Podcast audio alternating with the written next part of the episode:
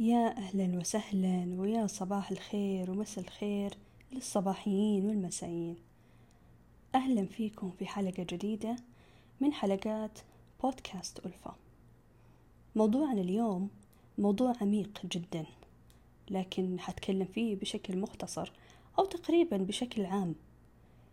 أما في حال كنت في هذا الموقف فأنا متواجدة للمساعدة أي وقت من خلال تواصلك معي عن طريق الإيميل. حكتبه طبعا لكم تحت. موضوعنا اليوم عن صدمة خلط الأدوار. بداية من مرحلة الطفولة.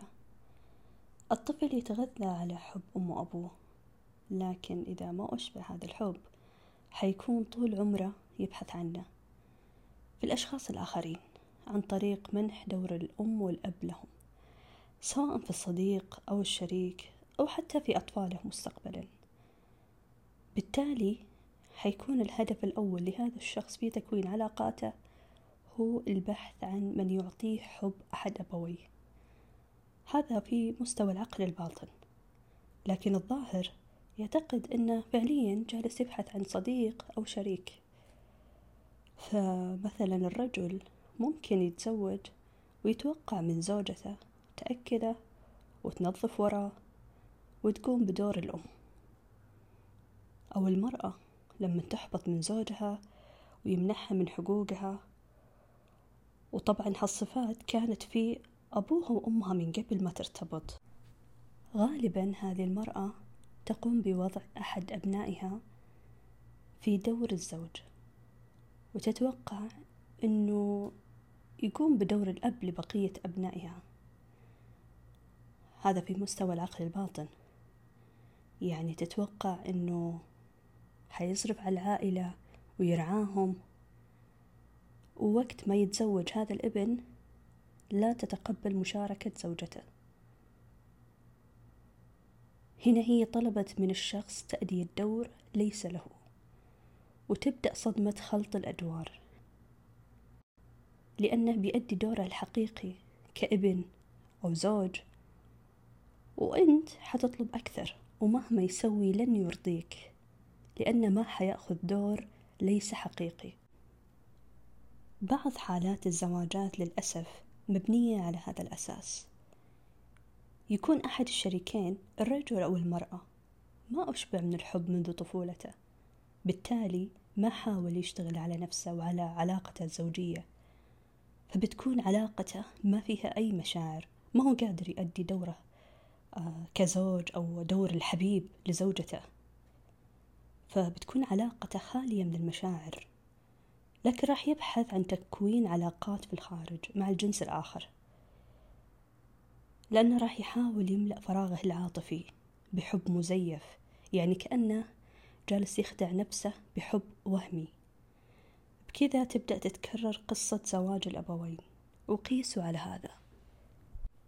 كثير من العلاقات تستمر مدى الحياة على هذا المنوال وتتنقل الصدمات إلى الأجيال القادمة إلى أن يأتي شخص شجاع يعترف بالمشكلة ويسعى للعلاج.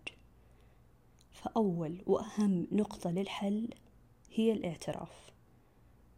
الاعتراف والقبول إنك تعترف وتؤمن بوجود مشكلة. والقبول هنا لا يعني الاستسلام أو الرضا. القبول هو إنك تسلم أمرك لله وتتوقف عن الرفض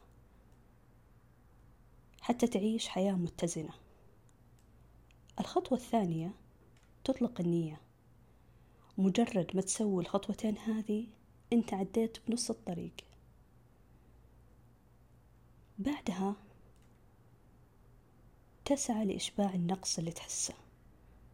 تبدأ من لما كنت رضيع عن طريق حب الذات.